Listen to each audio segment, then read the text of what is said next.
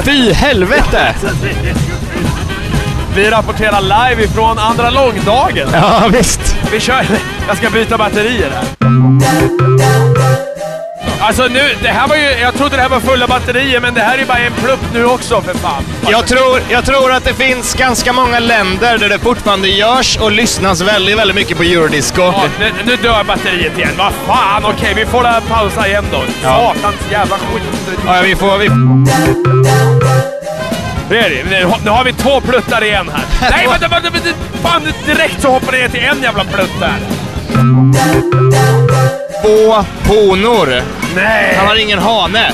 Nej. Och surrar åter runt magen. Och det är två honor alltså. Det är två honor ja. Åh, och det här är typ 20 alltså. minuter innan han ens säger det där. Åh gud, ah, sånt här gillar jag. Ja. Det här är genialiskt. Det är du. genialisk Det är foreshadowing. jävligt bra sånt alltså. Absolut. Åh fy fan vad nice.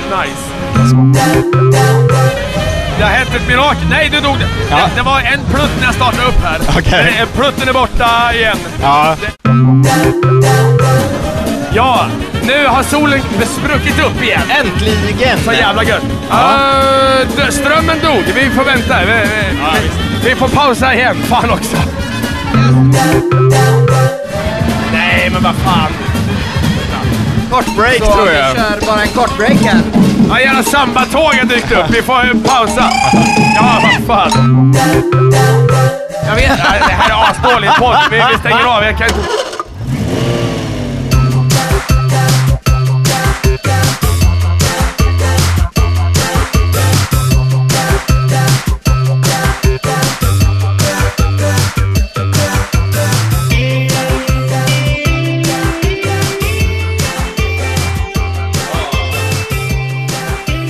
Ja, det var ju inte så jävla lyckat det där. Nej, det var ju... Eh, jag hoppas att det framgick att det var eh, ganska rörigt Ja. eh, och skit av Men- allt. Ja, eh, så att jag hoppas ni förstår varför eh, förra avsnittet uteblev. ja. Och dessutom så ska vi komma ihåg att de här, att Superlife 3, 4 menar Superlife Mm. 4, um, inspelningsmackapären var inlåst i studion på Tredje Långgatan Mm. fram till torsdag. Så att vi hade ändå inte kunnat, jag fick inte ut prylarna liksom. Nej, det blev en sörja tyvärr och eh, jag vet inte om vi ska säga att vi är ledsna för det. För att jag tror att det är bättre att ingen hör det där i sin helhet så. Ja. De, den halvtimman som blev. Det var väldigt roligt och vi hade väldigt kul med de som kom dit. Om ni är, pre- ni är precis nya här, så är det, det var ju många flyers flög iväg och Mm, eh, en del många, smälte i regnet. En del eh, blev hän, häpnade över våran lilla installation där på Andra Mm, Långgatan i Göteborg. Och, så att eh, välkomna alla nya lyssnare. Ja, för fan. Ska vi se här. Eh, vad vi kan eh, erbjuda er. Vi har massa grejer att prata Ja. om. Några grejer som jag har, har övervintrat från förra veckan, men det gör väl ingenting, för det är ingen som har hört dem mer än de som gick förbi på gatan när vi Ja, satt och, precis. och Vi gormade hade, om inte, dem. vi, kunde, vi hade ju ingen ström för det regnade och då kunde vi inte köra ut i högtalarna heller. Så att det är ju faktiskt bara för privat bruk det där jävla avsnittet. Men här kommer i alla fall en ins... Äh, äh, Vi får, vä, vänt, vi har inte kört eh, Nej, just det. dagordningen. Det är avsnitt 67 får vi börja med att säga. Just det. We've come a long way baby. Det har vi. Det har vi. Vilka är vi som sitter här då, idag? Hans Mattias Hammarin. Ja! Uh, Vinkungen. Okej, Vinkungen. Och eh, popartist. Och... eh, ja. Många strängar på din Många lyra. strängar. Mm. Ja. Jag har gjort ett nytt epitet till mig. Jag gillar ju att ha samma epitet varje vecka. Till en viss, liksom, gräns. Nu har jag ett, ja. okej, nu har jag har ett nytt till mig. Eh, som har med, med spelindustrin att göra kan man säga. Jag är ju spelintresserad.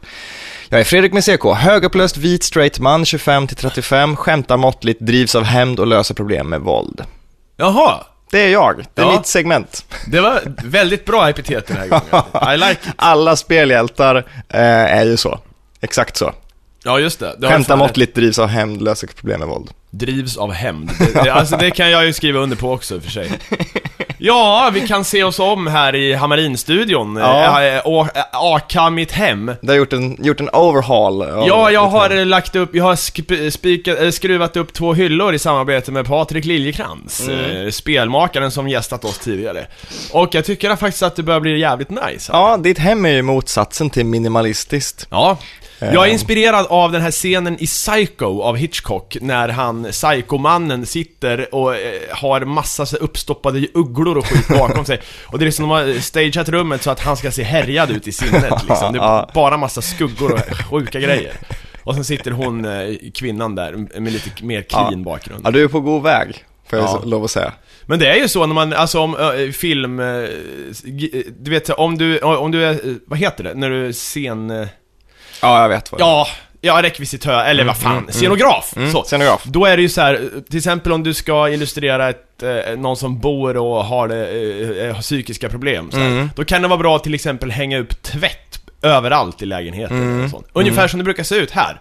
Du vet, när du kommer på lördag och som det ser ut nu lite grann. Ja, men då, det är då är det någon som är eh, i oordning och har psykiska problem. Någon som är ett kaos, om man Ja. säger. Du kan ju gå åt andra hållet också och göra det superavskalat, minimalistiskt. Tvålarna har sin plats liksom på, på, Ja, ja, på. Mer, det är mer så här besatt av någonting. I American Psycho gör de ju det väldigt tydligt med att han har sina, han har sina minutiösa rutiner som han går igenom varenda dag. Han hyr samma filmer och sådär. Ja, just det. Eh, men det är intressant, eh, men många sådana där psykopatklyschor, man undrar ju om de stämmer eller om de kommer någonstans ifrån som Mm. har med verkligheten att göra.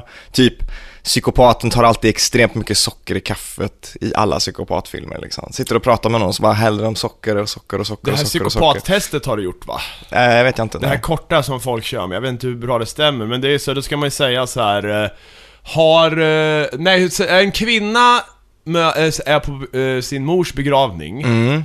och träffar där en fantastisk man som Mm. hon vill träffa igen då, så här, åh gud. Eh, nej, nu, nu avslöjar jag twisten. Okej. Fan också. Ja, skitsamma, det, här- det så här är det ju. Ja. S- senare så dödar hon sin syster, varför?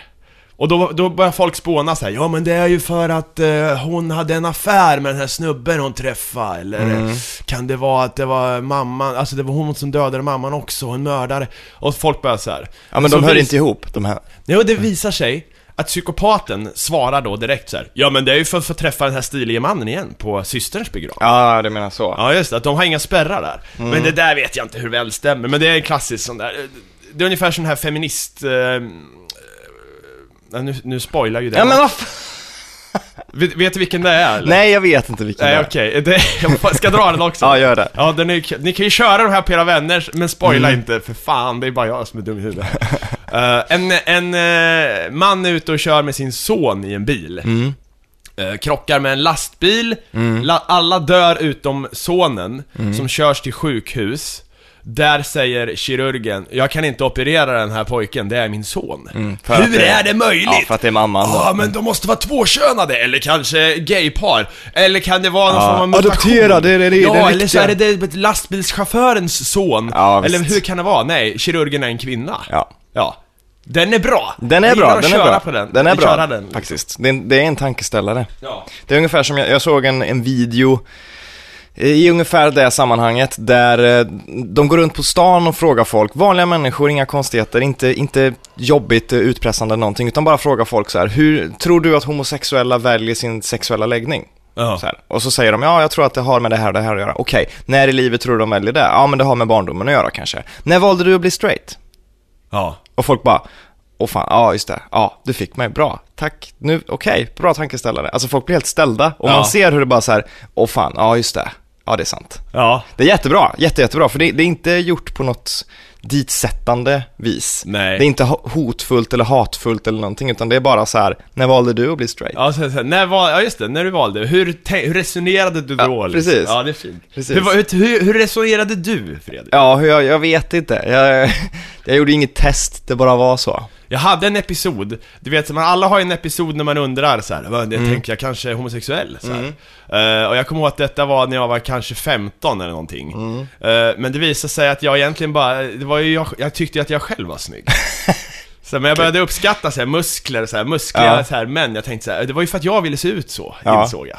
Men det kan ju, det kan ju också finnas en hel del, för jag, jag håller med, den där episoden finns ju eh, på ett visst sätt. Sen eftersom inte jag är homosexuell så vet jag ju inte hur det är att vara det på riktigt så att säga. Men självklart hade man ju också en sån här, hmm, hans kuk, hur fan ser den ut jämfört med min? Ja, ja. Så här, den grejen. Och sen när någon säger, alla går igenom en homosexuell episod, ja men det måste ju varit då. Då jag sneglar lite extra mycket liksom. Ja, just För det, det, det gör man ju, det tillhör ju. Ja, ja visst. Och sen är det väl, eh, ja, nej, nu ska jag inte gå in på barndomens... nej, nej, nej. Eh, I alla fall. Vi har fått en insändare här. vi har fått massa insändare. Ja, och eh, det var här faktiskt till förra veckan. Vi tog upp den här live, Ja. men den föll bort. Ja. Eh, det är ifrån Pierre. Man kan höra spår av den tror jag i introt. Det kan man göra. Det, han undrar nämligen om eurodisco här. Han har hört låtar, två stycken på radio, där de samplat in slingor från eurodisco-låtar. Första eh, To Unlimited och sen Alice DJ, Okej. Better Off Alone. Och då undrar han om eurodiscon är på väg tillbaka. Det jag pratade om då i förra veckan, som jag tycker fortfarande stämmer, är att jag tror att det finns väldigt många länder där den aldrig försvann. Där eh, den fortfarande, det görs mycket eurodisco och det lyssnas mycket på eurodisco i vissa länder tror jag. För att jag tror, det är ett sätt att skriva musik på. Det är inte liksom bara en stil, utan det är ett visst sätt att lägga upp slingor på, ett visst sätt att, att arbeta med hur sången ligger på och så vidare. Så jag, jag tror, jag tror inte att, på väg tillbaka, kanske i Sverige. Ja, men jag tror definitivt att eh, han har något på spåren här, det här med att sampla de här låtarna. Mm, Eh, det går ju att göra det mm. nu, för att de har ju ett sånt nostalgivärde för den här generationen. Ja, Så och att- framförallt så, så var det ju inte Eurodisco var inte 100% humor. Vissa låtar är ju faktiskt bra på riktigt Ja, också. ja, Eller man kan, det kan vara bra humor också, men, men vissa låtar funkar ju för sin egen skull. Men Alice DJ-låten är ju en av de bästa låtarna Ja, från den tiden. Absolut. Alltså. Vi, Den är- pra, vi pratade ju lite också om vad man tyckte var den bästa Eurodisco-låten. Och då sa jag ju The Ride, när vi satt ute på andra Ja, dagen där. Men sen ångrade jag mig och, kom på att det faktiskt är Dr. Feelgood som jag tycker är den bästa. Jaha! Det, den är väldigt, väldigt bra. Har du lyssnat på sista spåret på förresten uh, Daft Punks nya? Nu har jag Ja. plöjt igenom den. Den melodin är ju direkt ifrån Dr. Albans This time I'm free. Du ska tänka på det här när du lyssnar på den. Slå på sista spåret och sen nynnar Okej. du, sen sjunger du This time I'm free to do what I want Freedom man. På den.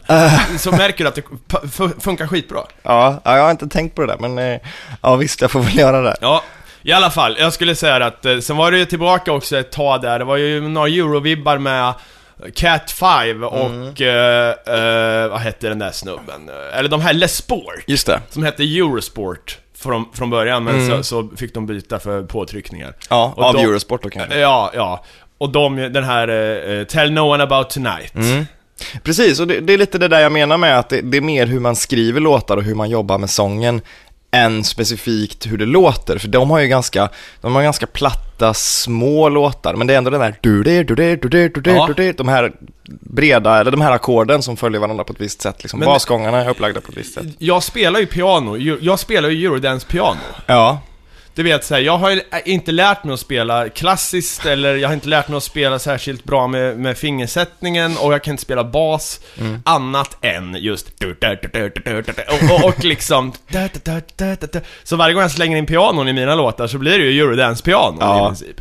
men det, jag, när jag lärde mig, lärde mig, när jag spelade mycket mer när jag gjorde egen musik, jag hade ju klaviatur och grejer och sådär, det blir väldigt ofta att man tar väldigt breda ackord bara. Ja, ja.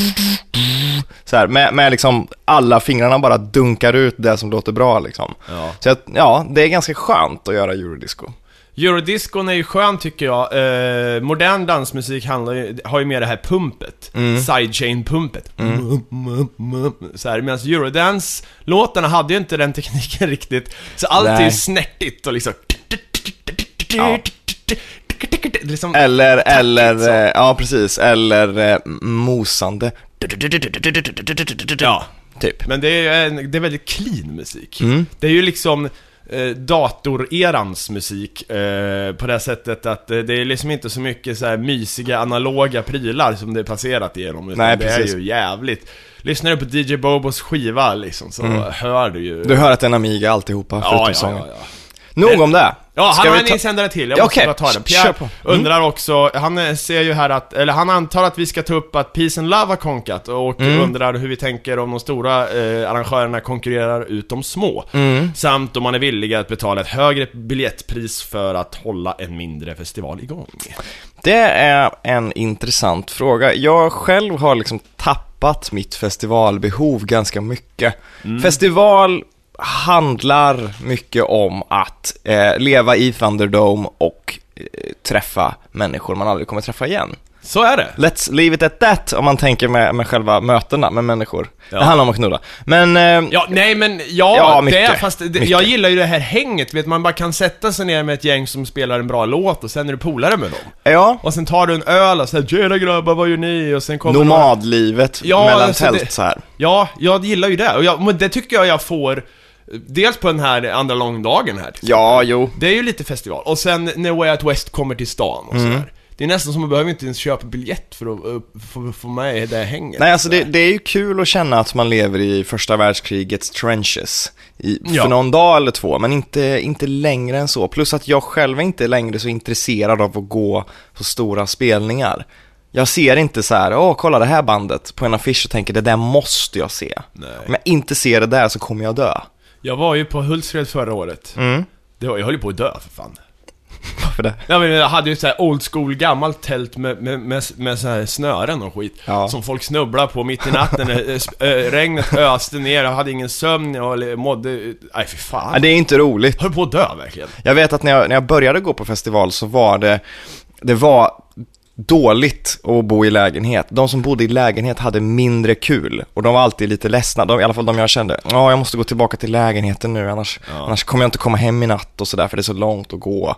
Eh, så, så, och då kände jag alltid det där, att vad skönt det är att jag är en riktig sån trooper som bor i tält. Men idag, jag skulle aldrig palla att bo i tält. Om jag nu prompt skulle åka till en festival, lägenhet, Ja. Direkt. Eller hotell. Jag är inte intresserad, alltså på, som svar på frågan, så här, med de små festivalerna. Mm. Jag tycker det är jättetråkigt att de försvinner. Men när jag var eh, där på Hultsfred, det har ju blivit en liten festival. Och nu Ja. har de ju dessutom flyttat till Stockholm, så Ja. nu är ju hela skiten... Vilket är skitkonstigt. Ja. Eh, det var ju verkligen inte lika kul alltså. Nej, Det var ju så litet och, nej, det kändes inte så jävla roligt när det inte var det här stora folkmassan framför scenen, utan du kunde liksom gå fram och tillbaka lite. Det var som ett tivoli nästan. Ja, ja, och för min del då som jag sa innan, det möjliggör inte så mycket längre. Jag är inte så intresserad av det här och ramla runt längre. Det är kul någon gång då och då, men det är inte, det är inte så att jag ser fram emot det. Alltså när jag var 17 kanske, 16-17, då var ju festival det roligaste man kunde göra. Hela året gick ju ut på att vänta tills nästa festival. Precis som vissa kanske väntar på sin semesterresa eller vissa väntar på vad det nu blir liksom. Det var, det var verkligen den viktigaste handlingen. Jag var så jävla peppad inför varenda festival varje sommar då. Ja. Men det är inte så nu. Nu, nu är det så här, oh vad skönt, jag slipper åka på festival. Jag kan fortfarande tänka mig att åka på festival, jag kan fortfarande tänka mig att, ja, alltså i det bästa fallet, Mm. det händer ju inte längre eftersom folk har, eh, det är så svårt att styra upp, men om man var ett helt kompisgäng, Mm. eh, och sen bodde man, alltså typ på Roskilde eller någon fet jävla Mm, festival, och sen bodde man under presenningar och eh, Eller två husvagnar eller Ja, någonting. något sånt. Då skulle jag kunna tänka mig det. Men inte det här tält på Hultsfred alltså. Nej, Eller Peace and Love. Jag vet inte, nej. Så att, eh, tråkigt. Men, tråkigt men ja, jag kommer inte sakna det om man säger så. På pappret kanske jag gör det, men inte, Ja. inte i verkligheten. Nej. Faktiskt, om man ska vara ärlig. Men nu har jag massa insändare. åh jävlar! Ja, nej, jag har tre.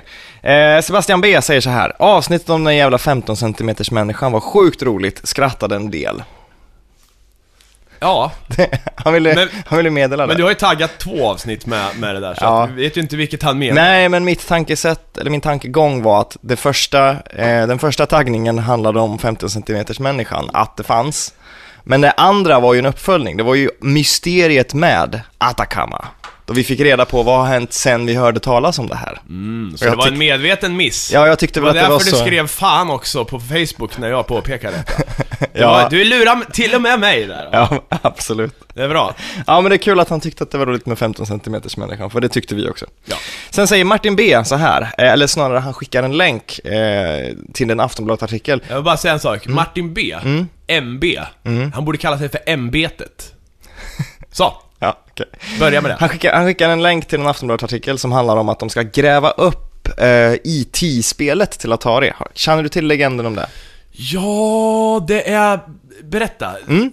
IT till Atari är eh, nästan ensamt ansvarig för den första tv-spelskraschen, eller egentligen enda tv-spelskraschen. 83 tror jag det var, så hade marknaden blivit så översvämmad av konstiga Atari-liknande maskiner och extremt mycket spel. Det var väldigt svårt för folk att veta vilken maskin passar till vilken kassett. Det var svårt att se för det fanns ingen märkning och så vidare och så vidare. Men det sålde ändå som smör. Och det årets stora release var E.T. till Atari. Det här spelet kommer bli bäst liksom. Alla Ja. måste ha E.T. Det här är det, vi har aldrig sett fram emot ett spel så mycket som E.T.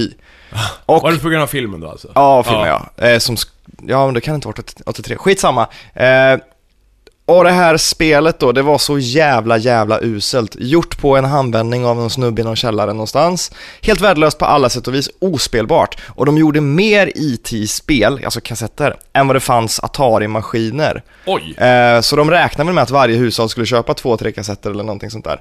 Men det finns ju ingen logik Nej, det finns ingen logik i det. Jag vet inte hur de riktigt tänkte där. Hur som helst så kraschade marknaden som fan, ingen hade tilltro till tv-spel överhuvudtaget, folk slutade köpa det, allting gick åt helvete och de hade miljontals med osålda IT-kassetter ståendes i något, något lager någonstans. Ja. Och då bestämde sig Atari för att de skulle begrava de här jävla kassetterna, bokstavligt talat. De åkte ut i en öken, grävde ett stort hål, dumpade alla kassetterna där i och cementerade igen. Jävlar. För det är så här, det här är bara plast, det här är inte, det finns inget värde i det här, det här är bara skräp. Så. Ja. och så säger legenden i alla fall. Och saken är nu då att nu är det ett företag som heter Fuel Industries, ett filmbolag, Ja. tillsammans med en stad som heter Alamo Gordo, eh, som ligger i närheten av där den här landfillen ska vara. Ja. Som tillsammans har bestämt sig för att de ska gräva upp det här för att se om det verkligen är sant att det ligger ett par miljoner IT-kassetter där eller hundratusentals Ja. eller vad det kan vara. Eh, så, och göra en dokumentär av det. Ja. För det är så många år sedan och, och ryktena går hela tiden och folk kan inte bekräfta om det är sant och sådär. Eh, så det, det ser jag faktiskt fram emot. Tack för det tipset Martin B. Det, det Ja. kommer bli kul att se om det faktiskt är jättemycket plast eller inte. Legenden säger ju också att det ligger en riktig life, eh, en E.T. Alltså, Aha. att ett UFO har kraschat där och... Okej. Eller nej! Det Ja, gör det ja, inte. Nej. Du är sämst på, på att hitta på legender på... Ibland, jag- ibland är jag jävligt bra på det. Ja, ibland är det bra. Sen säger Emanuel G, våran kära vän och insändarskickare. Eh, han säger så här. Har ni pratat om Kellogg någon gång på Superlife? Det känns som ett riktigt Fredrik-ämne. Han var ju sexualundervisare där på slutet av 1800-talet och förespråkade avhållsamhet 100%. Skröt över att han aldrig haft sex med sin fru, parentes, men fick dock lavemang av en stilig ung man varje morgon. Skrev att man skulle sy fast pojkars kuk vid kroppen med silvertråd för att hindra masturbation och hade en sträng diet för att kväsa sexlusten, därav flingorna. Vegetarianism Va? och yoghurtlavemang var två metoder för att minska sexualitet. Yoghurtlavemang? Mm. Det är alltså Kellogg då, Kellogg's Cornflakes Kellogg. Ja. Produkten eh, togs fram för att inte man skulle bli kåt. ja. Tråkmat gör en mindre kåt. Uppfann flingorna, alltså där, av den anledningen? ja. Ja, men vad fan. Ja. Äter du Kellogg's eh, Nej. till frukost? Nej. Men det är ju jävla tråkiga flingor alltså. Ja, det är det ju verkligen. Det är Eh, inte så man blir kåt direkt, som du säger alltså. Vilken frukostmat blir man kåt av då? Några råa ägg och... Jag vet faktiskt inte. Korv? Nej, jag, det är en bra fråga. Nej, alltså jag, jag har väl aldrig egentligen tänkt att man blir det av mat så. Däremot finns det väl mat där man känner att okej, jag skulle inte ens, även om, om jag, någon skulle komma hit så skulle det inte bli någon ligga av. Nu har jag ju flickvän naturligtvis. Ja, men hur... Så även om det skulle vara världens show i vardagsrummet och så skulle jag bara ligga i en soffa och jäsa och må dåligt. Typ tacos, så här, fyra, fyra tacos och jag, nej. Ja, Motsatsen till kåt. en pizza. Ja, det är samma där, det går inte. Ja, nej det är sant. Faktiskt. Men om man äter någon, jag vet inte, någon, någon fin restaurang så här. Ja. Då, då kanske. Ja, ja, ja, ja, det Det är är bra. inramningen liksom. Ja, det är fint. Du är en romantika. Det är bra. Kanske, kanske. Du, jag läste en rolig grej också eh, på någon sån där Internet svämmar ju över och har alltid gjort av såna där 10 roliga djurbilder, 22 böcker du aldrig kommer få läsa, alltså listor, Ja. listor på saker. Och då var det en sida där de hade listat eh, 23 fictional technologies with terrible design flaws, eller någonting sånt där. Ja, Typ ja. att, att Doc Browns tidsmaskin kan åka tillbaka till år 0 exempelvis, men år 0 finns ju inte. Du, exist- du är ju inte i år 0. År 0 har vi hittat på när vi har börjat räkna bakåt och så vidare. Eh, ja. Ja, men eh, då stod det att lasersvärd, ja. ni vet när man slåss med lasersvärd, eller när de gör det i Star Wars. Ja. Träffar du ett annat lasersvärd med ditt lasersvärd så fastnar de ju på varandra som riktiga svärd. Ja. Varför, och det här är då den frågan som ville ställas med just den bilden, varför stänger inte en av dem bara av sitt svärd så att det åker igenom och sen fäller ut det igen när det siktar på magen? Den är bra! Ja, Fan, du är jedi! ja, Ja. Shit. eller hur? De står ändå och pressar de här svärden som om de inte går att dra in. Det är bara... Ja. Liksom bara... Striderna skulle ju bli lite annorlunda, det skulle bli som två personer med fjärrkontroller som står och försöker trycka mot varandra. Zup, zup, zup, Ja. Faktiskt. Ja, det är en bra fight. Jag kan Ja. se det framför mig. Det är inte så bra på film kanske då. Nej, kan, men ja precis. Man kan väl säga något i stil med att okej, det går inte att dra in lasersvärd om de är i kontakt med ett annat lasersvärd för materian har svårt att separera eller partiklarna har svårt att... Det går ju att lösa det här problemet. Ja, ja. jag tror inte de tänkte så långt på den tiden. Men vad har du, vad fanns det med på den här listan? Jag kommer inte faktiskt inte ihåg. Nej, nej, nej. Det var rätt länge sedan jag läste den. Ja, det... Jag visste du skulle fråga det, så jag satt och funderade, vad, vad finns det mer från den här listan? Jag såg ju en sån lista om... Jo, jo, jag kom på en, jag kom Ja. på en. I Terminator, Ja. eh, när Terminatorn är ute och vandrar och man får se i Terminators ögon så här, allt är rött. Och det står liksom, den här, den här Ja. klädstorleken passar och nu exterminate, exterminate, varning hund. Ja. Vem ska läsa den texten? Ja, nej men jag vet det, jag vet det. det. Det har jag också tänkt. Det finns liksom ingen eh, poäng med ett interface. Jag Nej, det är för en dator. en, en datorn som man har hemma, den sitter ju inte och tittar på en skärm. Eller så det Nej. Finns, nej. Det är idiotiskt såklart. Det är 90s. Det är samma sak som jag såg i Independence Day häromdagen. Ja, på ja. TV4. Ja. Och det var ju också så här.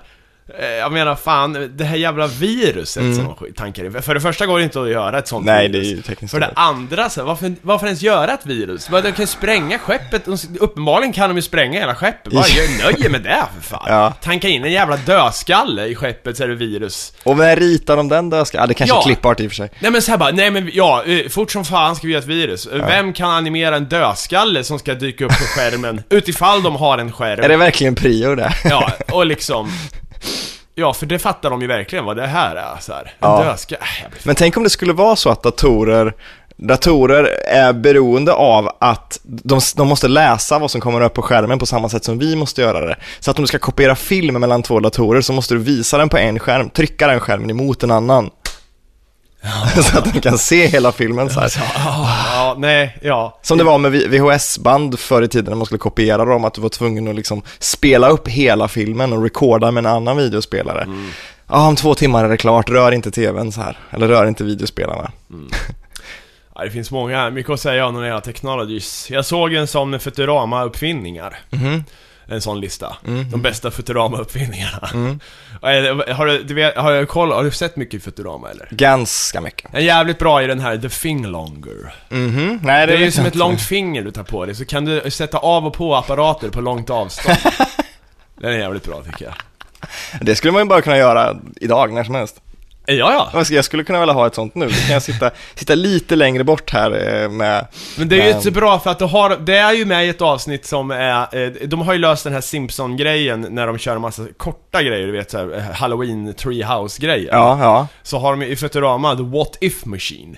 Och då tittar de ju på en maskin Ja, och så ställer de en bekant, såhär, ja. What if I was a, uh, were a huge uh, robot? Jag vet Ja, inte, det är något sånt där liksom. De har Eh, och- What if life was a video game? Ja, och sen hela det avsnittet börjar ju med att eh, professorn har uppfunnit the Finglonger Mm. och sätter på den maskinen. Och sen slutar ju avsnittet med att han sitter och tittar på den maskinen.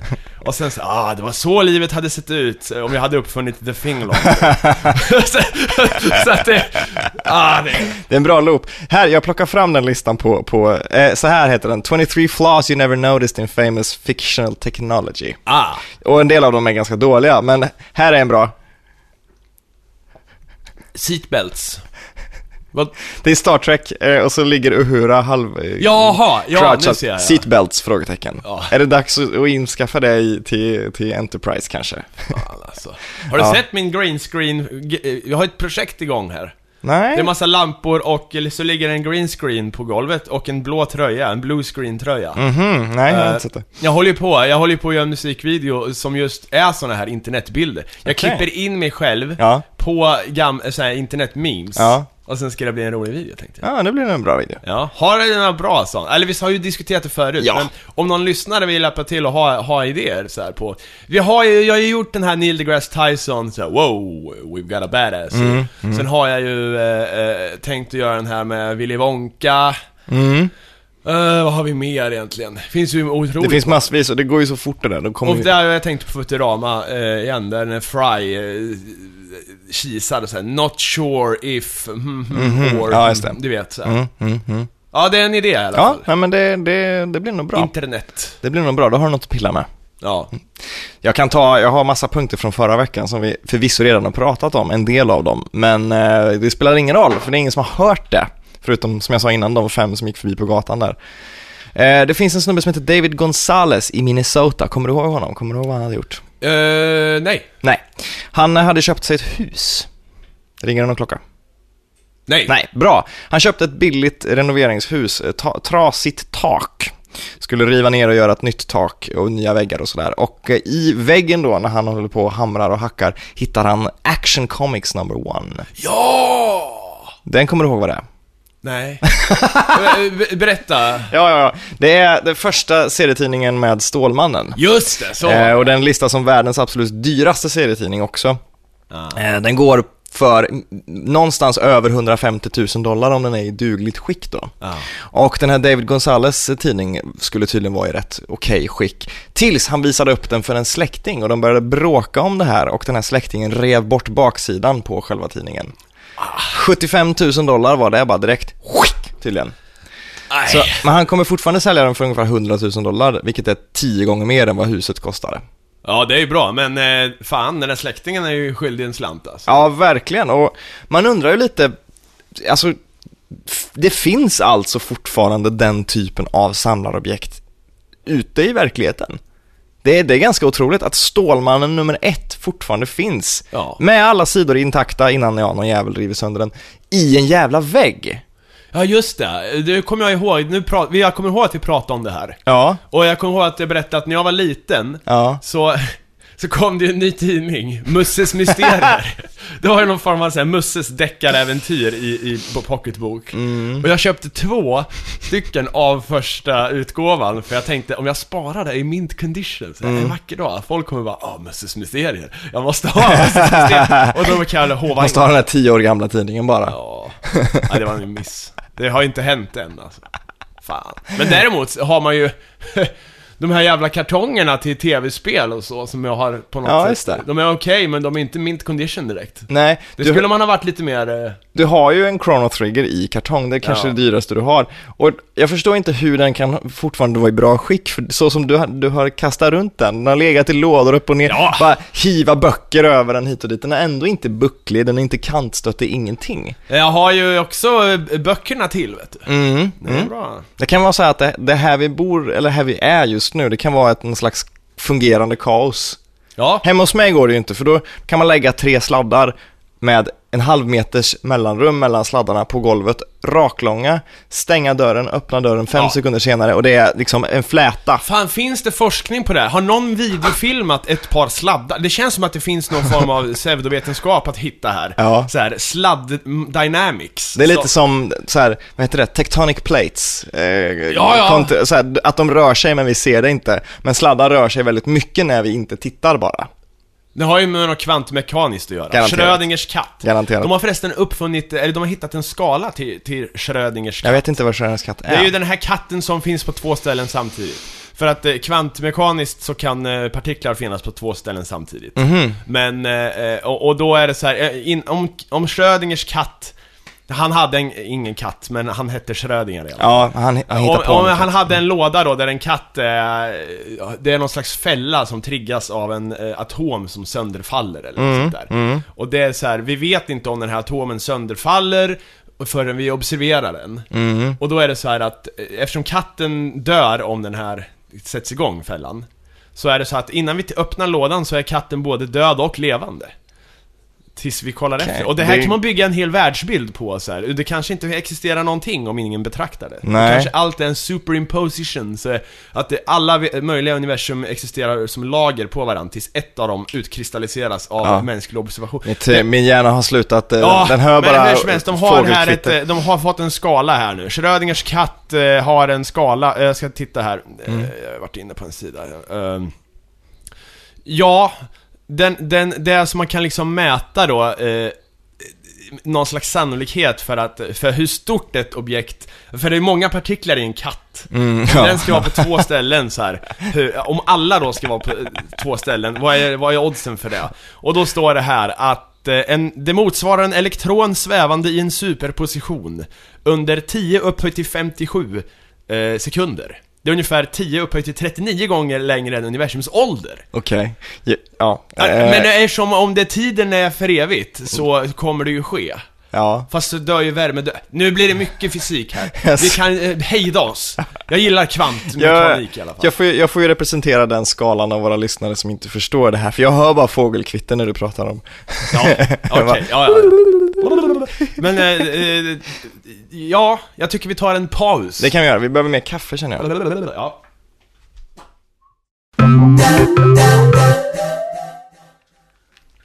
Åh, ska bara få på mig headsetet Du här. hade något att säga om jag, Ductales. ha- jag hade någonting, ah fan, så. Jag hade någonting att säga om DuckTales. Det, det pratade vi om för några avsnitt sedan. Eh, det här med DuckTales-remaken som kom, Ja. alltså spelet DuckTales då. Ja. Det är ju nördigt och jag vill inte alltid prata så mycket retrospel, för Nej det gör men jag, det är okej, jag DuckTales har alla, liksom. Det har nog ta mig fan nästan varje lyssnare spelat vet. du. Det tror jag Det är faktiskt, ett sånt där ja. spel som alla har spelat. Så att, eh, det är inte alls nördigt. Det är Nej. nördigt kan jag säga, när du och dina retrospelsvänner sitter och diskuterar värdet på någon jävla Little Samson eller vad, någon, någon jävla spel man Någon inte jävla ens... arkadkomponent Ja, som, ja jo. Då är jag lite utanför. Men Ja. DuckTales är... Ja, DuckTales, det kommer ju en remake på det eh, som ska vara väldigt true to DuckTales TV-serien och till det spelet. Att det typ är det spelet ommålat och med lite mellansekvenser och sådär. Ja. Och då slog det mig när jag kollade på någon, någon gameplay-trailer för det, där de jämför det gamla spelet med det nya spelet och visar att okej, det är exakt samma banor, det är exakt samma mekanik och sådär, men det är lite handling. Att röstskådespelaren till farbror Joakim, han heter Alan Young, ironiskt nog. Åh. Han är typ 95 eller någonting. Ja. Han är med i ursprungs, eh, eller ursprung, han är med i 60-talsversionen av The Time Machine. Och är inte pur ung heller. Nej okej. Eh, Ja. Och, och, och det jag kommer att tänka på är, hur fan vågar man jobba med någon sån? Hur vågar man Någon jobba? sån? Ja men hur vågar man Ja, jobba ja. med någon som är nästan 100 år? Nej jag vet, du tänker att de dör mitt i produktionen. Precis, Eh, Christopher Lee liksom. Va, hur, vågar man, hur vågar man hänga upp en så viktig roll Nej, är på sant, en så, så, så skör gammal man? Alla kan ju dö när som helst naturligtvis. Ja, nej men det är sant alltså, det är, det, jag har också tänkt på det. Och det har ju hänt också, jag menar han i eh, Harry Potter, han dog väl? Mm. Trollkaren. Precis, Richard Harris. Ja, och jag menar det händer ju. Folk Ja. gör ju detta så. Det gör ju det, men, men jag menar om du har någon som är long overdue, om man får låta mörk. Som Christopher Lee då, han är 96, nej han är väldigt gammal i alla fall. Ja. Och du vet att okej, det kanske är, det är inte 10 år kvar, det kanske är 5 år kvar på sin höjd. Då, om han då säger ja tack, jag vill vara Saruman, Ja. gör alla Saruman-scener som finns i Tolkiens alla böcker direkt. Eller hur? Boka in några veckor, gör alla på direkten. ja. Faktiskt. Och så säger man det här, du, du förstår Christopher Lee, det här är för att... Åldersdiskriminering har jag här. Ja, Nej, kanske. men det är klart att det är, jag menar fan stora filmprojekt. Annars får man ju göra en sån här som i The Matrix när någon också dog. Så Ja, bara, oh, you've changed. Oh, the Matrix is always changing. Ja, och det blir ju lite- Oraklet där alltså. Det blir ju lite löjligt. I Harry Potter kan man väl kanske svälja det eftersom det är väl bara första filmen tror jag där det är ursprungsskådisen och sen så byter de ju för... Jag tycker det alltid är så jävla tråkigt. Mm. Eh, när de by- bytte i till exempel Batman-filmen också, när hon... eh, Ja just det, just det. Katie Holmes ja, byts ut hon mot var ju hon. liksom, ja, hon byttes ju mot någon som inte ens var lik henne. Så Ja. det blir väldigt konstigt där. Och, och, och jag menar så här, det, det märkliga där... Alltså jag reagerar på det ungefär som hon i eh, eh, Misery, Mm. av Stephen King reagerar. Det finns ju någon scen, du vet när han skriver ju boken, han är ju tillfångatagen där Just det. och bryter Lida. Mm. Ja, bryter fötterna på honom för hon, han ska skriva klart den här bok och sen tar han livet av eh, karaktären och då blir hon Just tokig. Mm. Och då ska de så här eh, han ska ju skriva om det, men då har han ju redan tagit liv av henne så då måste han liksom få storyn att gå ihop för annars kommer hon döda honom och så här. Mm, mm. Eh, jag är lite lika som hon, så här, att jag blir såhär Nej det stämmer inte! Ah, Mm. Det är fel person! Ah, du vet nästan lite... Ja, jag håller med. Jag, jag blir, jag tycker det är synd. Det att är, ska ju, bli så. det är ju en illusion man tittar på och i illusionen så befäster du ju att Harrison Ford är Indiana Jones. Det skulle inte funka om det helt plötsligt var Kiefer Sutherland som var Indiana Jones för att de ville ha någon som var lite mer Ja, och så vidare och så vidare. det var ju någon så här bara, ska vi inte se Sunes, eh, den nya Sune-filmen? Mm. Jag bara, va? I aldrig i helvete, det, jag, jag kommer aldrig kunna titta på någon ny Sune Nej, liksom. nej, det ska inte ju jag vara, heller. Det ska ju vara för fan Peter Haber Mm. som Sunes farsa, det går inte med något annat. Enda gången jag kan acceptera att de byter skådespelare så, det är när det är Bond-lika scenarion. När det är så här, Ja. detta är en era. Nu är vi färdiga med den eran, nu kommer en annan era. Typ Godzilla exempelvis. Den här Godzilla är grön, men nu går vi in i 70-talet. Nu ska den här Godzilla vara lite svart igen, men han ska ha lite cookie eyes. Typ. Ja, och sen ska Godzilla bli en T-Rex när det är 90-tal, det var ju Ja, precis, precis. Nej, nej, det är tråkigt men jag förstår att... Jag kan acceptera det. Jag förstår att de behöver byta Godzilla direkt då och då. Liksom. Att någon kommer på att den här, det här fjället är snyggare än den här gröna plasten som vi hade. Jag minns i Skilda Världar när de bytte hon, Ragatan, vad heter hon? Ja, just det. Den svarthåriga ragatan. Ja, fast hon blev blondhårig sen. Heter hon inte Rebecca? Jo. Nej, kan, Men oh, hon som de bytte till, hon är ju en sån här, vad heter hon nu igen?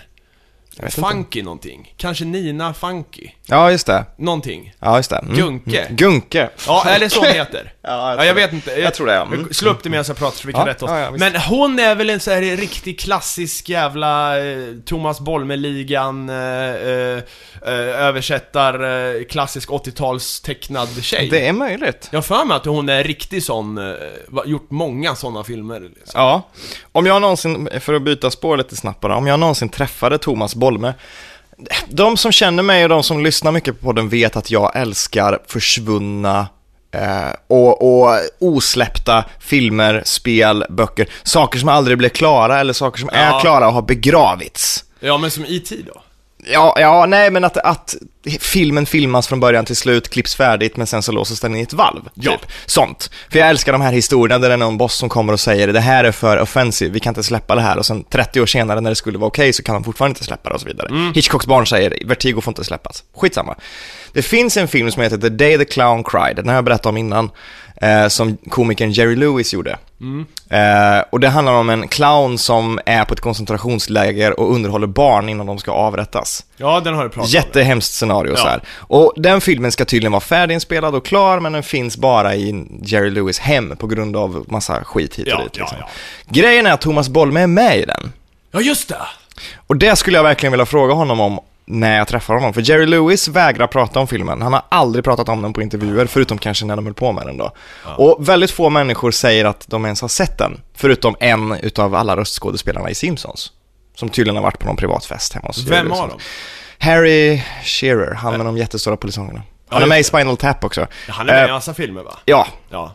Han säger att han har varit hemma hos, hos Jerry Lewis eller vem det nu var och sett den här filmen. Och Thomas Bolme är ju som sagt med i den. Han står med på IMDB och jag tror till och med att det finns en bild på honom i nazistuniform från den här filmen. Åh fan alltså. Jag skulle jättegärna vilja träffa Thomas Bolme och bara fråga, hej, hur var det med den här filmen? Har ni spelat in den? Blev den bra? Är du med? Finns filmen? Ja, Va, ja. Vad var det som hände? Har du sett den? Vad ska vi ta han som gäst då? Vi bjuder in Thomas Bollman, kanske på? Öppet, ja precis. Ö, öppet, I Stockholm säkert. Öppen inbjudan till Thomas Bolme då. Ja, ja. Du får gärna vara med. Han kan komma, det är så jävla bra, det finns ett sånt jävla bra klipp på internet, eh, youtube, när han, vad heter det, sitter och signerar Tintin. Mm. Men så är det någon som har släpat dit Cobra Space Adventure, som jag och du tycker väldigt mycket om. ja, ja, ja. Kult animeserie. Ja. Och eh, då sitter han där, och han låter ju exakt som alla de här karaktärerna, det går inte att komma undan. Nej, Så här. precis. Han bara, wow! Så här, och så här, Fast med rumsklang, och det är det som är så här, konstigt. Det här är så här, det här är kultfilm. Så här, och sen sitter de och pratar och så här, lutar sig han den andra, vad heter han? Eh, någon annan skådis där över säger, Vad är det där? Kobra? Det känner jag inte till. Han säger, det är japansk datoranimation. Och så här, det, de, det är så här, en gammal kultserie. Han verkligen pratar sådär eh, som att det var en tecknad film. Jag älskar att Nej, men det måste vara omöjligt att, att föra ett ordentligt samtal alltså, På stan. Jag kan tänka mig att Thomas Bolme kan vara en av de eh, röstskådespelarna som får mest män i vår ålder att vända sig om när de går förbi honom på stan. Ja. Va, va, den där rösten, va? ja, vad hörde jag ja, där? ja, ja. Var, det, det är någon här inne som, vem, va? Att, det- Undrar att, om han pratar sådär. Oj, oj, oj. Eh, Det var ett pausljud som dök upp. Ja. Eh, vi blev chockade, men vi fortsatte. Skitsamma, det, är- det är för att jag, vi har hörlurar nu och man Ja, blir så här ja, ja. chockad. Åh, vad rädd jag blev. ja. Jo men du Nej, vet, men, ja. du, det- så här, eh, för att undrar man pratar sådär high-techigt som man pratar i, i, i ja men du vet såhär, en spårvagn. Och, så här, undrar vart jag, den kan ta mig. Så här, eller liksom... jag tror inte han gör det. Men det, det som är så intressant med just Thomas Bolmes röst, han var ju Tintin och Kobra och massvis med, med karaktärer. Kogo i, i Star Singer. Precis, det är ett jättebra exempel. Ja. Han, men han var jättemånga grejer när jag växte upp. Och så fort jag hör hans röst så, så slår liksom nostalgin till på max. Det kommer fram så mycket känslor, hela kroppen bara fylls av saker och ting som, som vittnar om en annan tid. Jag kan inte alltid placera vart allting kommer ifrån. Vänta nu, nu, nu, känns, nu känns det tryggt. Vad kan det vara? Färgen grön? Ba, ba, ba. Det är bara intryck som liksom rasar över mig. Ja. Och precis på samma sätt var det, eh, jag sitter och spelar ett spel som heter Epic Mickey till Nintendo Wii, Musse Pigg, så här, Jaha, ja. ba- barngrej. Ja. Men det bygger mycket på de gamla svartvita Musse Pigg-serierna så här. Så, eller, Steamboat. Willie. Ja, precis. När han, var liksom, hade mer gung i kroppen. Precis, precis. Ja. Så då tänkte jag så här, ja, men jag och min tjej vi kan sätta oss och kolla på en eller två sådana gamla. Och då tog vi en som heter Mickey Mouse Through the Mirror. Mm. Och jag bara så här, har jag sett den här? Jag vet inte riktigt. Och det kommer en sån här vignett, ja, här är Musse Pigg, bla bla bla. Så fort första framen dyker upp, första ljudet, första sekunden av, av liksom rörlig bild, så bara maxas nostalgin. Okej, jag vet varenda ljud, jag kan varenda rytm i det här, jag kan varenda jävla frame. Jag kan säga precis vad som händer exakt innan det sker. Och det är en märklig känsla det där med den totala maxnostalgin. Jag bara, japp, hans cykel kommer, och det här kom, och så kommer en hund och så kommer han och ramlar över korten och så sjunger och så låter det så här. Liksom. Och så är det med Thomas Bolme också. Man bara, maxnostalgi. ja. Började du gråta? Nej, Ja, nej det skulle jag inte. Men ehm, det vore väldigt kul att träffa honom i alla fall, just för att de, ja, delvis höra rösten live, men också fråga det här om The Day the Clown Cried. Ja. Du, vi måste gå vidare lite. Ja, för fan. Jag har en massa punkter här. Okej. Och jag ska komma med en... Uh, Dunka ett av. tips. Emanuel som skrev in förut. Ja. Han har ju släppt en porrbok. Ja. Berätta om den.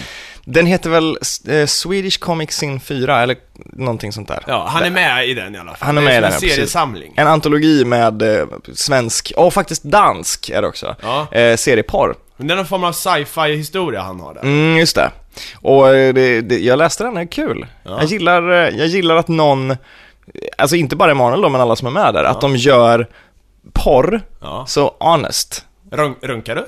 Nej, det har jag Nej, inte nej, gjort. nej. Nej, nej, jag, har, jag läste den ju när jag fick den på andra långdagar, så det var inte Jaha, riktigt, ja, det var inte läge då, kan man säga. Nej. Men det är precis som det här med så här feministisk kortfilmsporr och så vidare. Det är så skönt att se någonting som är lite mer, det här går jag gå- igång på, det här blir jag kåt av. Inte bara, så här ska porr vara. Snubben ska komma in så här, de ska, så här, det här- könet ska vara där, det är det här liksom sekvensen som ska betas av och så ska det sluta på samma sätt varenda gång. Det är skönt att det är någonting som är lite mer ärligt, det här är min grej. Så här. Ja. Dock skulle ju porr som eh, industri kanske vara lite mer svårhanterligt om det bara var personliga uttryck hela tiden. Du skulle få lite, lite, lite svårare men kanske bättre eh, att botanisera bland porr. Eller då, Ja. Nu ska jag kolla på porr, bara okej. Allting är väldigt personligt. Det var veckans porr det här. uh, Okej, vi fortsätter. Japp. Eh, det var roligt, jag har skrivit här. Pantkärringens sandbitter har jag skrivit. Okej. Det var för att det var en rolig sekvens på, vad heter det, andra långdagen där vi Ja, satt. ja. Vi hade ju Sandbitter med oss, Jajamän, såklart. det är klart vi hade. Eh, och drack. Mm. Och då dök det upp en sån här pantsamlare. Och hon, hon, pek, hon pekar ju på de här flaskorna, så här, en full flaska, så hon, hon ville ha. Så. Ja, ja, ja. Och så, så ja, vi öppnade och så här, hon fick det. Och sen eh, ansiktsuttrycket då på henne när hon smakade det här. Det var tydligen episkt. Jag missade, men det var liksom, det var ansiktsmuskler man inte visste fanns där. Men reaktionerna är alltid densamma. Det är alltid, folk blir alltid såhär, nej det här var inget vidare. Nej, nej. Alltid. Och så säger man samma grej, ja men drick två till då så kommer du gilla det. Ja. Nej, jag vet inte. När ska vi få betalt? När ska vi få betalt för det här? Jag vet inte. Vi kan ta betalt retroaktivt. Ja, vi ska i alla fall tacka massage, kines eh, stället, på, kinesisk massage på vad heter andra lång för att vi, vi lånade deras rum. Mm. Just De det. var riktiga champs. Jag vet, kunde inte kommunicera med dem för de kunde ing- i, i, varken engelska eller svenska. Men de har tydligen någon form av örtbutik, massage parlor. Där. Ah. Gå dit och masseras. Ja. Det, var, det var veckans spons. ja, verkligen. Eh, veckans- Alltså jag, jag är lite rädd för, på tal om det där då, när jag, jag ska ut till Tokyo snart, eh, och jag är lite rädd för att jag kommer att gå runt och prata låtsasfilm japanska hela tiden till varenda skylt jag ser, Ja. tills, tills det går snett, så att Ja, säga. men det jag gjorde det, folk älskar ju att jag gjorde det. Gjorde de det? Ja men jag Okej. drog ju massa jävla så här anime-lines Ja. och grejer. Fick massa öl gratis. Men det är ju, jag kommer ju göra det så att de inte tycker att det är kul, för att det kommer vara rasistiskt av mig. Eh, ja, jo. Oh, ja, ja, ja, det, kanske. kommer, det, det, det kommer liksom, men jag kan inte hindra mig. Redan nu, redan nu sitter jag och kollar på, på liksom, foton därifrån. Ja. Ja. dit ska vi gå. Så här, pekar på någon skylt och säger bara, fan varför gjorde jag så? Ja, Det är ju rasistiskt av mig. ja. Nej. Eller ja, Det är, för, det, är inte, det är inte bra i alla fall. de är rasister mot dig där å andra sidan. Ja, kanske. Men it doesn't make it right. Nej, nej det är sant, det är sant. Two wrongs. Mm. Eh, jag vill bara säga att eh, de har ju avslutat kuben nu, det som du berättade. Mm. Curiosity. What's inside the cube? Och jag, så, hela tiden så Mm. har det stått så här. de gör, alltså, de som deltar gör något annat samtidigt som de hackar loss kuben. Det här spelet. Ja, ja, ja, precis. Mm. Vad, vad var det för något? För det som var i kuben, dra det först. Det som var i kuben, det här, experimentet hette Curiosity What's Inside the Cube och det är en man som heter Peter Molyneux som har gjort det här och Peter Molyneux är känd för att han gjorde en massa bra strategispel på 90-talet. Molyneux. Molyneux. Jag tror han ligger bakom Populous, men han ligger även bakom Syndicate och typ Theme Park eller någonting sånt där. Ja. Massa bra strategispel och han fick någon slags storhetsvansinne och började göra projekt som skulle vara så långt ifrån spel fast fortfarande var spel. Han skulle förändra hela världen med sina unika idéer. Typ Black and White hette ett spel. Och det var så här, ja men alltså det, det typ... Jaha, det är han, han, som Ja, det är han. Det är Okej. virtuella djur, du kan lära dem allting. Just Okej, ja. du, du har hittat på en perfekt fungerande AI, är det det du säger?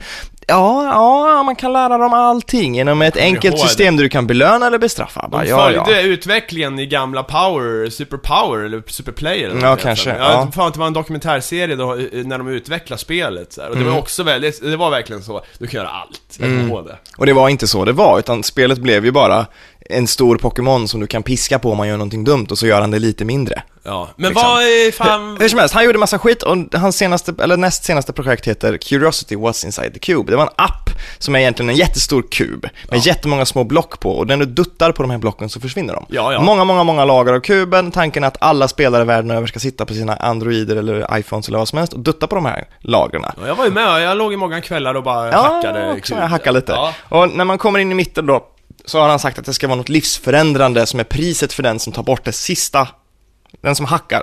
Sista Och jag lagret tänker då. ju att då, då skulle det ju bli någon form av Highlander-blixt där liksom.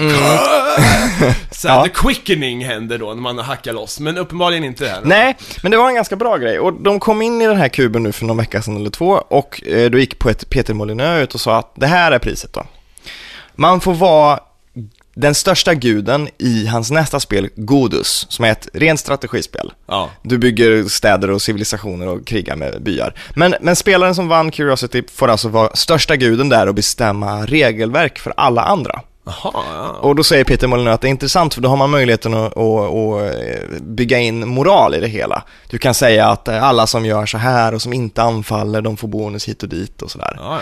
Plus att du får en del av den monetära kakan från Godus. Att varje gång de köper Godus så är det en viss procent som går till den här mannen som vann då. För det var en kille. Det är ju life changing. Det men är det var life inte changing. lite hä- lika häftigt som jag trodde. Jag Nej, trodde- det var inte the quickening. Men, Mm. och hela tiden så sa de ju att så här, de gör något, så här, de som hackar på det här eh, bidrar till något annat också. Mm, jag tänkte lite på de här eh, captcha-grejerna till exempel. Just det. Där eh, du skriver in två ord. Mm. För det är bara det ena som checkas liksom. Det andra är ju eh, att de har skannat in en gammal bok. Ja, precis. Och, och sen så hjälper de människor och, alltså, tar människan till hjälp för att... Det står flurg katrunken, Ja. tror du. Och ordet katrunken är inskannad gammal bok eller tidning. Ja, och då, när tillräckligt många människor har sagt att det står katrunken, då fattar datorn det och på så sätt så utvecklar man någon form av eh, Ja, du character recognition-grej. Ja, plus att du digitaliserar ju, du hjälper ju till att digitalisera inskannade grejer från förr. Gamla tidningsartiklar från 20-talet. Och då, han sa att det var något liknande med kuben, men det fattar jag inte vad det var. Tills!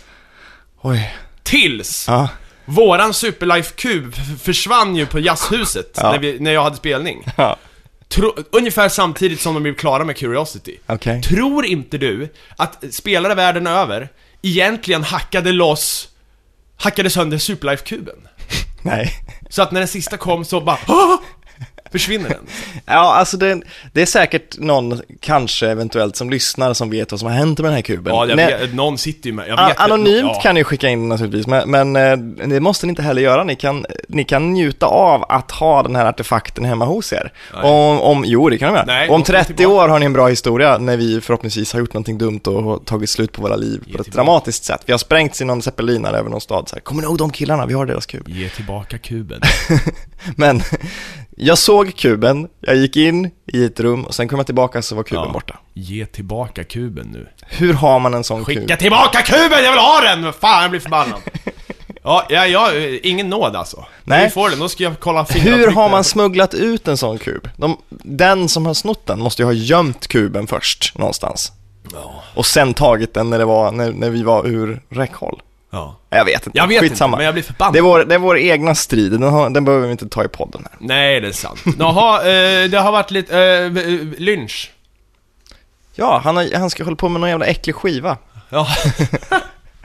Med Lykke Li. Ja, David Lynch är igång igen. De ska kalla den för LY upphöjt till två. Ja, Kanske. det ja, jag vet inte. Alltså, så- David Lynch är så jäkla svår för mig. Vi har pratat med honom, eller om honom många gånger. Ja. Ehm, och jag vet inte alltid vad jag ska göra med vad han håller på med. För att han, gör, han kan göra så jävla bra film, men ibland känns det som att det är lucky shots. Ja. Ibland känns det som att han driver med bra film genom att göra bra film och säga "Hahaha, kolla en bra film. Ja, jaha, ja. För att det han gör nu, och har gjort i ganska många år, sen ungefär Mulholland Drive och framåt, det är ju, det är ju skräp, tycker jag personligen. Jaha, ja. In a darkened room, det är typ det sämsta jag sett i världshistorien från någon som har potentialen att göra bättre grejer. Jaha, jag har inte sett den. Och jag lyssnade lite på hans förra skiva, Crazy Clown Time, och det var typ det sämsta jag hört i någonsin. Jag har aldrig blivit så arg över en jävla, vad heter låten, Fine Day Today. Ja, jag måste Den lyssna. Jag har inte Det, det lyssnat är helt alltså. otroligt dåligt. Ja. Så att jag, jag, jag vet inte vad jag ska göra med att han och Lykke Li gör någonting ihop. Ja, Jag tror att det finns ett visst mått av kejsarens nya kläder där, att Lykke Li tycker allt han gör automatiskt är bra för att det är David Lynch. Kanske. Ja, så kan det bli. Eller tror du han kommer säga, okej okay, Lykke, what should we do? Ja, Liksom. Svårt att tro. Ja. Jag, jag tror liksom inte att han sätter sig med armarna i kors och väntar på hennes feedback, utan jag tror snarare att, att hon kommer dit och säger okej, okej, ja visst, um, ja, allt for you Mr Lynch. Kanske. Vi får fråga henne. Öppen inbjudan till Lykke Li och David Lynch. Ja, Thomas Bolme. Ja, alla... Ni är välkomna. Eh, Bob Hund har gjort en kul grej. Ja, De har ska vi bjuda in dem också? Ja visst, de ska sälja av alla instrument och eh, sen ska de börja spela med de instrumenten som finns på plats när de anländer till en spelning. Smart! Så att det alltid Kul! låter olika. Det gillar jag. Ja. Det gillar jag. ja, men det är en kul idé. För Sådär. då, då ställer det ju krav på arrangörerna eller människorna på plats och typ ta med dig en liten harpa, eller liten harpa, ta med dig ett munspel, ta med dig någonting så kan du slänga upp den skiten på scenen om det nu står någon snubbe där utan instrument. Ja, ja. Jaha, var ni fem pers? Nej, vi har bara tre instrument här. Ja, ja. ja men någon i publiken som har en trumpet kanske. Ja, ja. Ja, men det är skitbra ju. Hur fan kommer det att låta? Ja, Jag vet inte. Är de tillräckligt duktiga musiker för att bara ta, ta en trum- trumpet sådär? Det, det är frågan. Det enda, det enda instrumenten som jag kan spela, det är birimbau, det här capoeira-instrumentet som är typ en pinne med en kalibass på liksom. För jag höll på med, ja! jag på med capoeira ganska Det, mycket. det så- hänger ju en sån i studion i, på tredje Alltså, där jag kul, in. vad kul. Ja. Jag kan spela, men det är bara Du, typ Jag trodde det var en pilbåge som sköt äh, äpplen eller någonting, Jaha, men det var nej. Det är typ det enda jag kan spela sisådär. Och sen så kan jag ju ta ut lite ackord på piano så här. Så om, någon skulle, om jag skulle vara på en scen och kan spela piano och någon skulle slänga upp en trumpet till mig, Ja. då skulle det ju bli, dåligt. det skulle bli jättekonstigt. Ja. Jag kan spela allt som har, alla eurodisco-instrument kan jag spela. Okej. Ja. Men du kan spela saxofon också. Kan och kan, ja det kan jag, men jag kan inte, jag kan liksom inte ta, jag, jag måste liksom verkligen öva in vilka toner det är och liksom, nej. Mm. Jag kan, jag kan ju inte spela saxofon längre, men jag vet ju på ett ungefär vilken ordning man trycker ner fingrarna för att få tonerna att bli mörkare och ljusare liksom. Ja, ja, ja. Så att på så sätt så skulle jag kunna ta upp en blockflöjt och få något form av ljud ur den. Men om jag, nej, det är djärvt gjort av Bob Hund i alla fall, det måste jag säga. Det är väldigt Mm. djärvt gjort, för då kan du, folk kan ju göra plojor, de kan ju liksom, ja, lägga upp fem trumpeter på scen och säga det här är allt ni får. Ni har inte ens några mikrofoner, ni har bara fem trumpeter här. Ja, eller, eller en bomb i något instrument. Eller, eller ja, det, det går att göra oerhört mycket i det här. Ja. Det är fantastiskt. Men å andra sidan, om du går på en Bob Hund-konsert, Mm. då förväntar du dig väl att nästan vad som helst skulle kunna ske. Blir du arg om du inte får en, en symfonisk uppvisning i det härlig är lite kaosrock grejen liksom? tycker jag Det- med dem faktiskt. Jag gillar dem. Ja, Eh, som en sista grej vill jag säga att man, två matematiker har knäckt någon form av primtalgåta här. okej. Jag har ingen aning om vad fan det står här. Nej. Men de har gjort det. Det har något med primtal och, och par att göra. Okej. Det är jävligt, är, matematik är inte min grej riktigt, men jag, jag gillar eh, så här siffermystik och... Det gör jag också. Numerologi är schysst, Ja, tycker jag. fast det här är ju på riktigt, eh, så att säga. Mm, mm, Eh, primtal och sådär. Alltså tal som bara går att dela med sig självt och ett. mm. Sju till exempel. Ja, just det. Jo, Ja. men det, det, 13 är ett sånt också. Ja, ja, ja. Mm, det gillar jag. Ja. Men, eh, men ja, nej, det är som du säger, matematik är inte, inte min grej heller, men just, jag, jag gillar det som ett verktyg för att, för att förklara saker och ting och att vissa ha, har det som så viktigt att okej, jag vill se fraktalerna i naturen eller pi Ja. ska förklara det här. Ja sådär. men så finns det ju de som, eh, det finns ju så här eh, jävligt roliga Ja men, i natur, ja men precis det här med att vissa så här eh, sätter en hel jävla livstidsarbete på att eh, lösa en ekvation på något jävla Ja, sätt. Just det. Och så lyckas de inte, ja då var ditt liv borta nu för att du har bara jobbat med det här. Sen gillar jag det här också, jag vet inte ifall det stämmer, men det här mytologiska som dyker upp i film ibland. Den där ekvationen, nej, den har aldrig någon löst. Ja, ja. Den som löser den kommer direkt in på MIT. Det är aldrig någon som har löst, och så kommer Matt Damon då och löser den. ja. Och den, den grejen, jag förstår inte hur det kan gå till. Hur kan de, Men det har ju han gjort, den här mannen här i, som- ja, ja skitsamma. men hur kan, hur, Ja. kan, hur kan det gå till? Om du inte, om ingen någonsin har löst den, hur har de gjort den? Ja, nej, alltså många av de här mysterierna kommer ju av gamla matematiker. Ja. Som han Fermat till exempel. Ja, ja, ja. Och, eh, och, och så har de suttit där och tyckt att det här borde ju stämma. För det stämmer ju si Ja, du menar så. Det stämmer ju si och så långt. Mm. Och, och då gäller det att kunna, liksom alla så här är överens om att ja, förmodligen är det här eh, påståendet riktigt, Mm. men eh, ett bevis för det, tack. Så här. Ja, Och, och just kunna det. bevisa att det gäller för alla tal. Liksom. Det, det är där det börjar bli krångel har jag fattat det som. Eller som. Mm, Okej, så att du kommer fram till att någonting är typ rimligt, men det är en pusselbit som inte är så enkel. Som du måste verkligen, det här, vi måste ha den här pusselbiten för att kunna bevisa. Ja. Men det fatta, den fattas där, men vi vet att om den finns där så är det här bevisat. Ja, ja, och det, det är rimligt att det finns en pusselbit, men vi har den inte. Nej, exakt. Exakt. Ja, men det känns ju, det, det känns ju lite tydligare. Ja, det var det. Det var det! Det var slut. Avsnitt 67. Ja, ja. Så här, men så här, eh, gå in på Twitter om ni vill, eh, gå in på Facebook om ni vill, vi har en liten grupp där, där kan man skriva insändare och sådär. Eh, Ni kan mejla om ni vill, vi har en fin hemsida där ni kan besöka om ni vill. Ja. Ni kan ringa på dörren här om ni vill och avbryta mitt i programmet, för det Ja, ja. Ja, helst inte, Nej. men eh, om ni vill. Ni, ni kan göra jättemycket grejer om ni vill. Sen så kan ni ju tipsa era kompisar och ni kan inte tipsa era kompisar och ni kan lyssna på alla avsnitt från början till slut. Cut to the chase, Fredrik. Gör allt ni vill. Ja, men nästa vecka ska vi ha en special. Just det, precis. Vi ska ha en jätte, jättestor special. Eh, vi kommer att köra det stora bucket list avsnittet. Jag skulle vilja kalla det Superlife-avsnittet. Superlife-avsnittet, precis. Det, det handlar om li livet. Det är ju det som, som eh, allting kanske adderas upp i. Nu, nu känner ni oss så väl och nu ska vi börja prata om vad vi vill uppnå med våra liv. Ja. Vad, vill vi, vad vill vi göra? Det kommer vara högt och lågt, det kommer vara lättsamma grejer och det kommer vara djupsinniga grejer och det kommer vara kanske skitdålig diskussion, kanske en jättebra diskussion. Ja, så Men det kommer bli... skriv insändare med era livsmål eller Precis. life-changing skit Precis. grejer. det Alltså, kan vara så allt. enkelt som att de vill fisa kungen i ansiktet och det kan vara så enkelt som att man, eller så svårt som att man vill ha en släkt på minst 60 pers och att Ja. alla ska vara lyckliga, bla bla bla och så vidare. Gör vad fan ni vill. Ja, men skicka in i alla fall. Skicka för fan. Oj, oj, oj, oj, oj. Godnatt, godnatt. Nej, vänta! eh, Det... Kommer du ihåg den här gamla Pippi Pelikan-serien? Barnprogrammet? Ja, hatar Ah, det. ah, ah, eh, Ja, just det. Pelikan, det låter lite så. Lite så.